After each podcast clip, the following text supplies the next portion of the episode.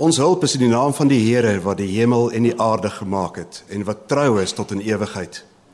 Geliefde gemeente van ons Here Jesus Christus, genade vir julle en vrede van hom wat is en wat was en wat kom en van die sewe geeste wat voor sy troon is en van Jesus Christus die getroue getuie, die eersgeborene uit die dode en die owerste oor die konings van die aarde. Amen.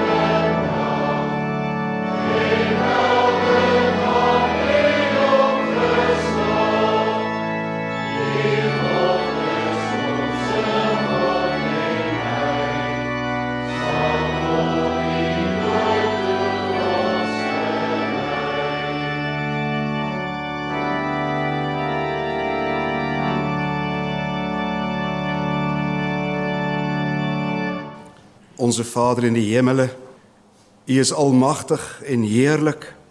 U is verhewe bo alles wat U geskep het. Die hoogste hemele kan U nie bevat nie, laat staan die aarde. Niks in die heelal kan U werklik omvat nie. Aan U behoort die koninkryk en die krag en die heerlikheid tot in ewigheid. Ons loof en prys U groote naam saam met 'n skare medegelowiges oor die hele wye wêreld. En ons dank U dat ons U die Almagtige as ons Vader in Christus mag ken en aanroep en lief hê. Ons dank U dat ons kinders van U die Allerhoogste genoem mag word.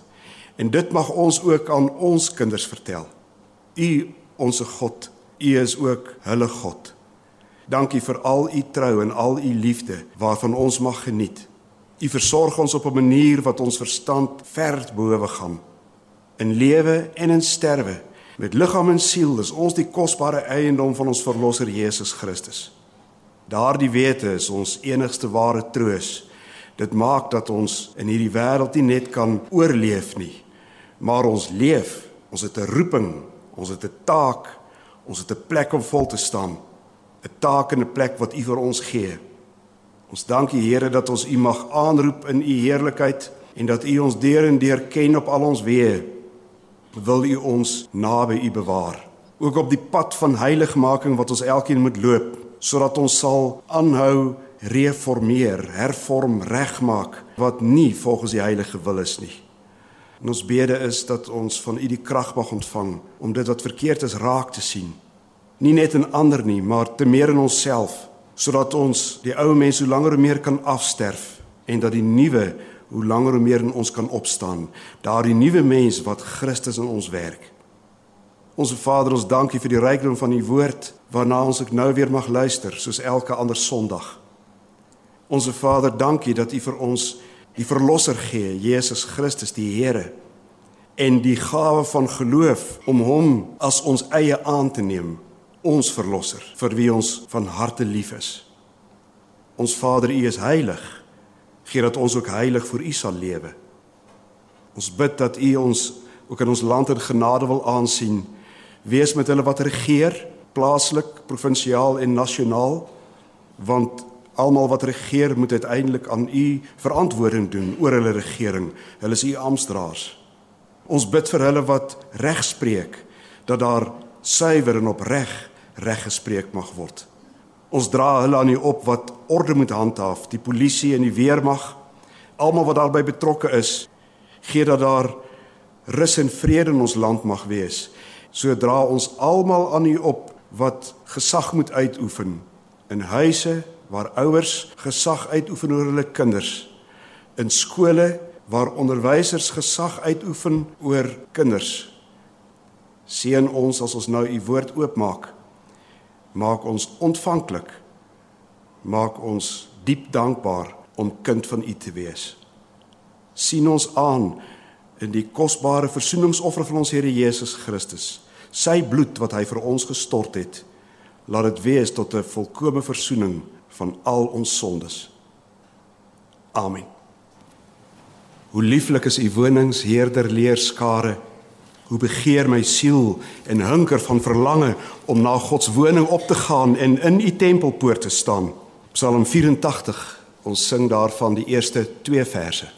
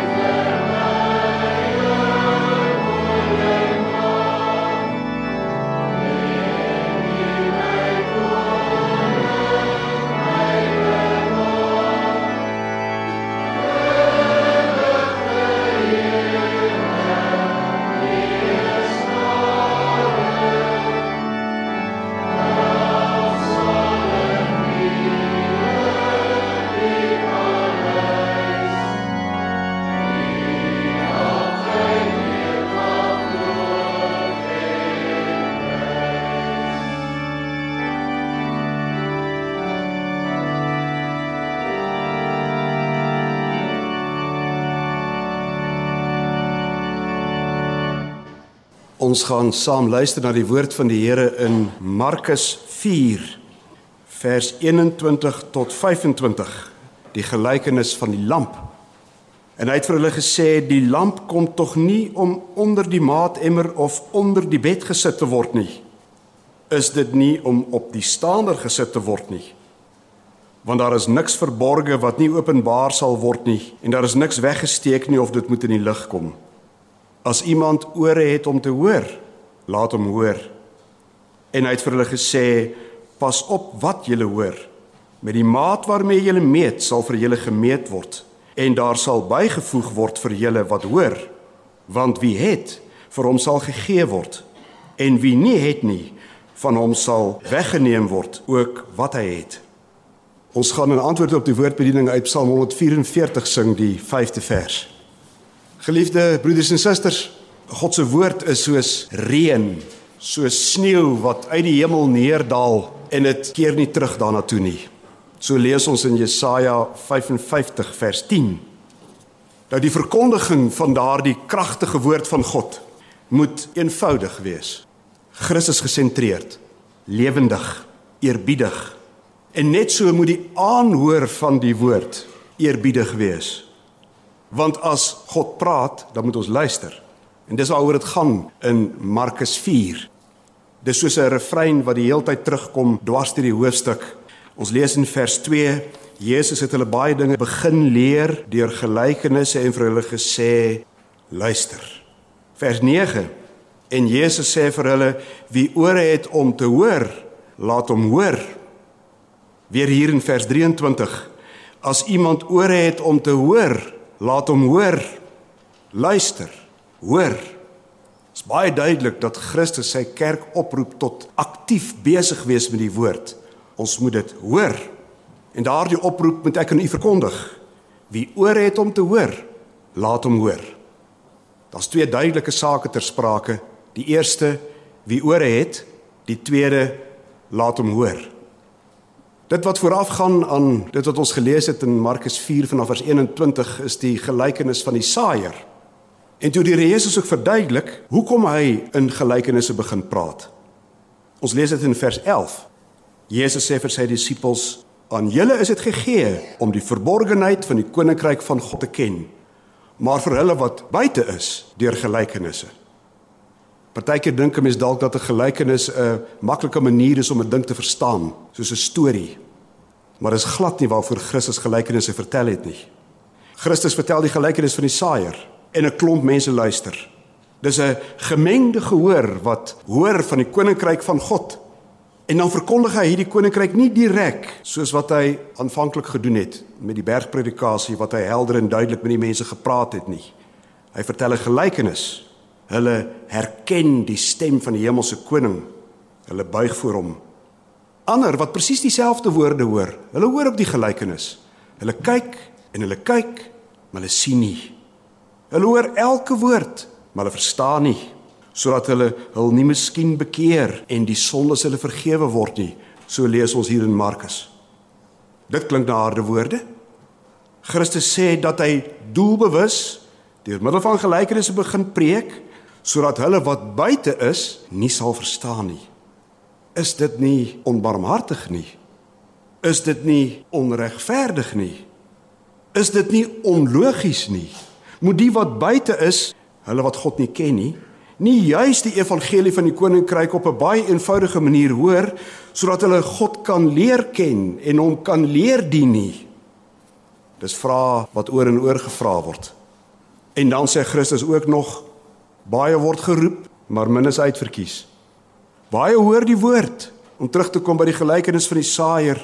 Op baie plekke val die saad van die saaier. Daar val saad langs die pad op die klipbanke tussen die dorings, ook in die goeie grond. Op min plekke lewer die saad goeie vrug op. Is dit so omdat God wat saai onregverdig of onbarmhartig is? Of is dit so omdat die mens in sy sonde blind en doof is?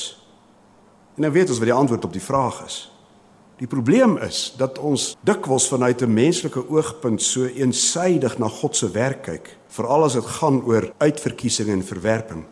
So menslik om te redeneer dat God almal moet uitverkies en nie net party nie.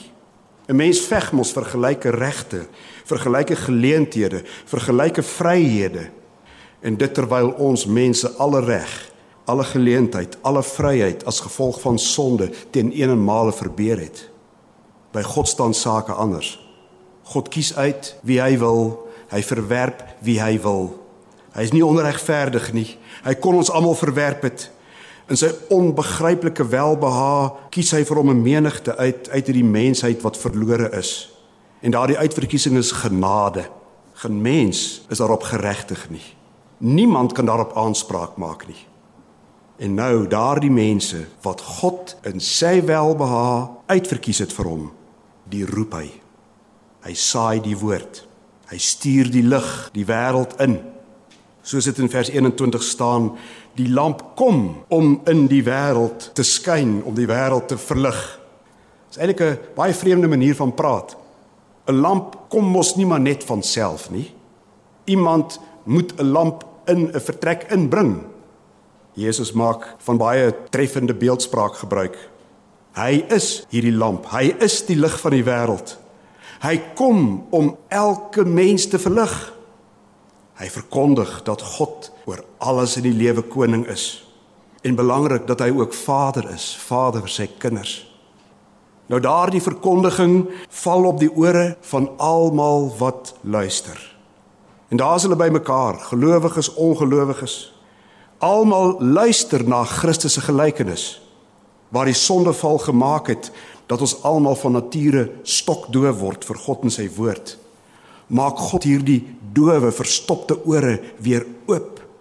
God sorg dat sy uitverkore kinders kan hoor en wil hoor en graag wil hoor. God skep in sy kinders op nie die vermoë om te verstaan wat gepreek word en in geloof te aanvaar wat die Gees met gesag in die gemeente bekend maak. Dis 'n wonderwerk broeders en susters wat besmoontlik by heel party van ons al bietjie onder die stof kom lê het.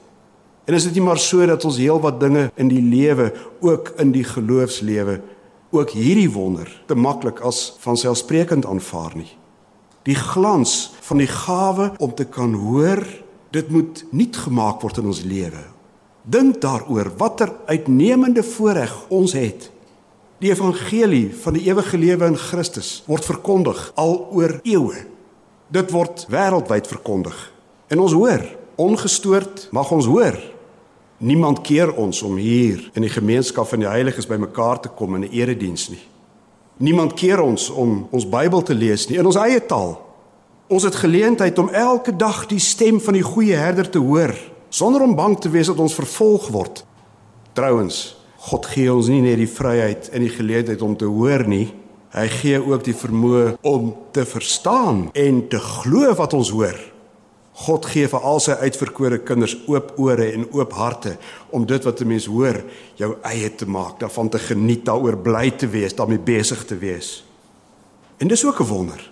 Hoeveel mense in ons wêreld lees Bybel en dan word dit afgemaak as 'n suiwer menslike boek. Maar salig is u omdat die Here vir u die geloof gee om die Bybel te aanvaar as woord van God waardeer jou rykdom na reg want die lig skyn in die lewe. Dis 'n gawe van God. Dit bring ons by die skerp punt van hierdie teks. Wie oor het om te hoor laat hom hoor.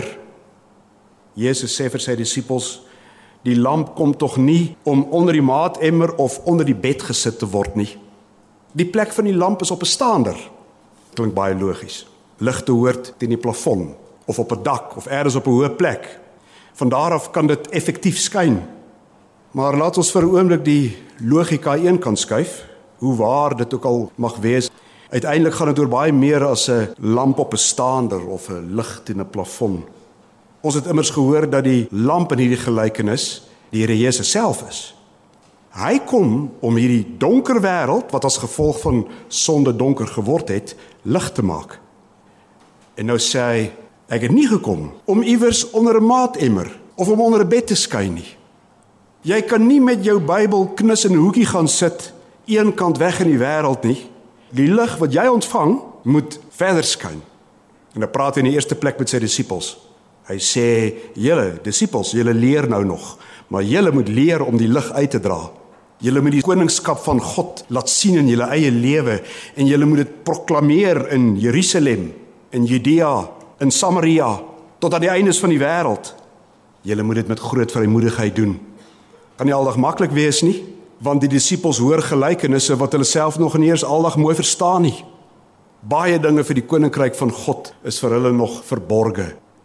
Maar dit moet hulle nie terugsit nie. Daar's niks verborge, so sê Christus, wat nie openbaar sal word nie. Daar is niks weggesteek wat nie aan die lig kom nie. Die woord van die Here maak alles oop, maak alles lig. Die gelykenis van die saaier. Dit het al baie lig gebring in die wêreld. Jesus maak self bekend wat daardie gelykenis beteken. En soos wat die disippels gelykenisse hoor, begin hulle al meer en meer verstaan wat al daardie gelykenisse en preke beteken. God maak hulle ore vir hulle oop en God maak dat hulle ore al meer en meer wil oopgaan. Daarom die opdrag. As iemand ore het om te hoor, laat hom hoor. 'n Verdere opdrag. Let op, gee ag op wat jy hoor. Die disippels mag dalk dinge in gelykenisse hoor wat hulle op daardie oomblik nog glad nie mooi verstaan nie. Na die tyd sal hulle vir Jesus vra wat beteken hierdie gelykenis. Dit gebeur met ons ook. Ons hoor soms dinge in preke. Mens lees partykeer in die Bybel dinge wat jy sê, maar wat beteken dit nou? Dit is moeilik om te begryp. Of ons hoor dinge wat nie nou direk van toepassing is in ons lewe nie. Dit voel asof daar vir ander mense gepreek word. Die Gees van God werk in ons almal se harte. Almal van ons, jonk en oud, moet die dinge wat ons hoor inneem. Oordink. Partykeer moet jy dit net diep in jou hart bære soos wat Maria gemaak het. En dan later, dan sal 'n mens verstaan, dan sê jy, maar ek het dit gehoor. Ek weet hiervan. Dit is so belangrik, broeders en susters, om in te sien dat Jesus hier met sy disippels praat. Na sy hemelvaart word hierdie leerlinge, hierdie disippels, apostels, sy oor en sy ooggetuies. Wat hulle eerstehands gesien en gehoor het, moet hulle aan ander gaan vertel en hulle moet baie van die dinge skrywe. Hulle skrywe die Bybel in opdrag van die Heilige Gees, geïnspireer deur die Gees van God. En daarom hierdie skerp eis wat die Here spesifiek aan hulle stel. Hierdie disippels moet hoor. Want hoe gaan hulle anders vir ander vertel? Hulle moet baie hoor want hulle moet baie vertel. Die maat waarmee hulle meet sal hulle gemeet word. Daar sal bygevoeg word vir hulle wat hoor. Dit beteken hoe meer die disippels verander vertel van God se evangelie, hoe meer ontvang hulle van die Here om nog verder te vertel. En dis net hier waar die toepassing van die gelykenis vir vandag lê. Ons is nie apostels wat by was toe Christus op aarde was nie. Ons is aktiewe luisteraars van God se woord. Ons kan hoor, ons kan verstaan en ons leef onder hierdie opdrag.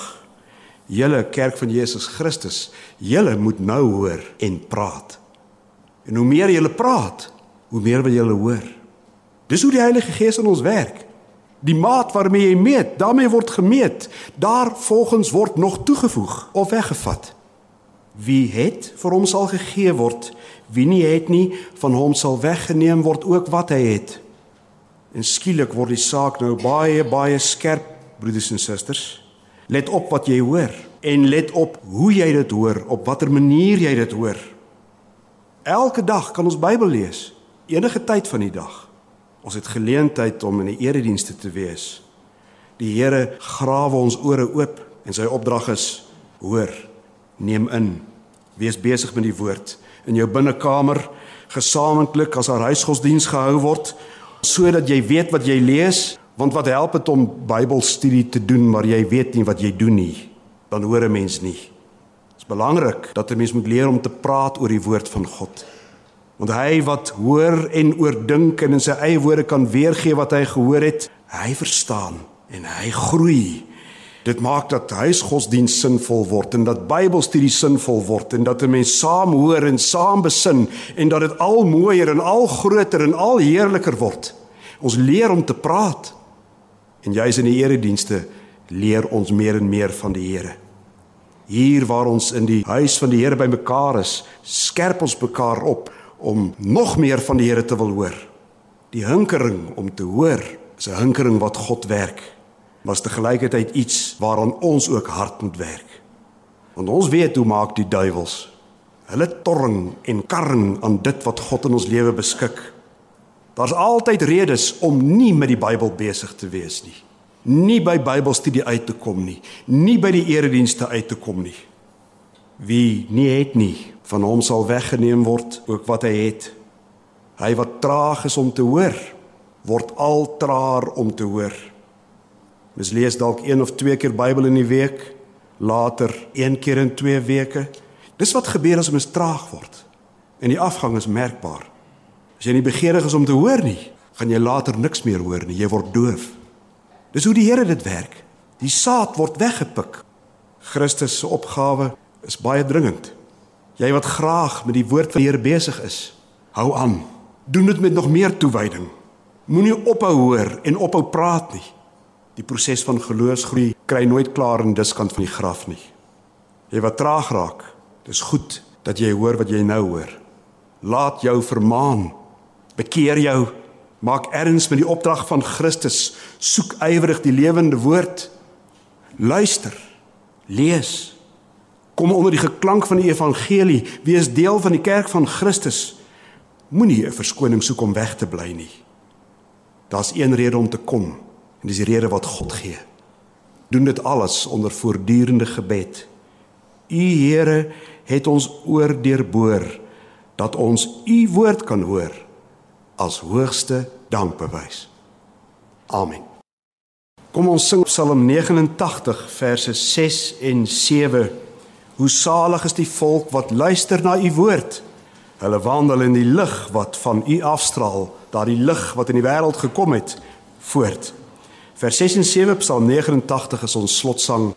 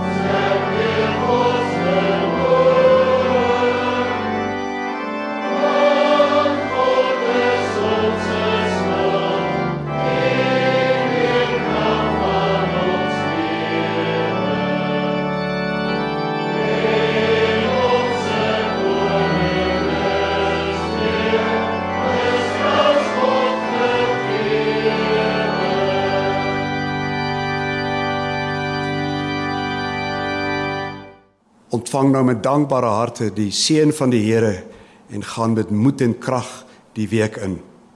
Die genade van die Here Jesus Christus, die liefde van God die Vader en die gemeenskap met die Heilige Gees is en bly met u almal. Amen.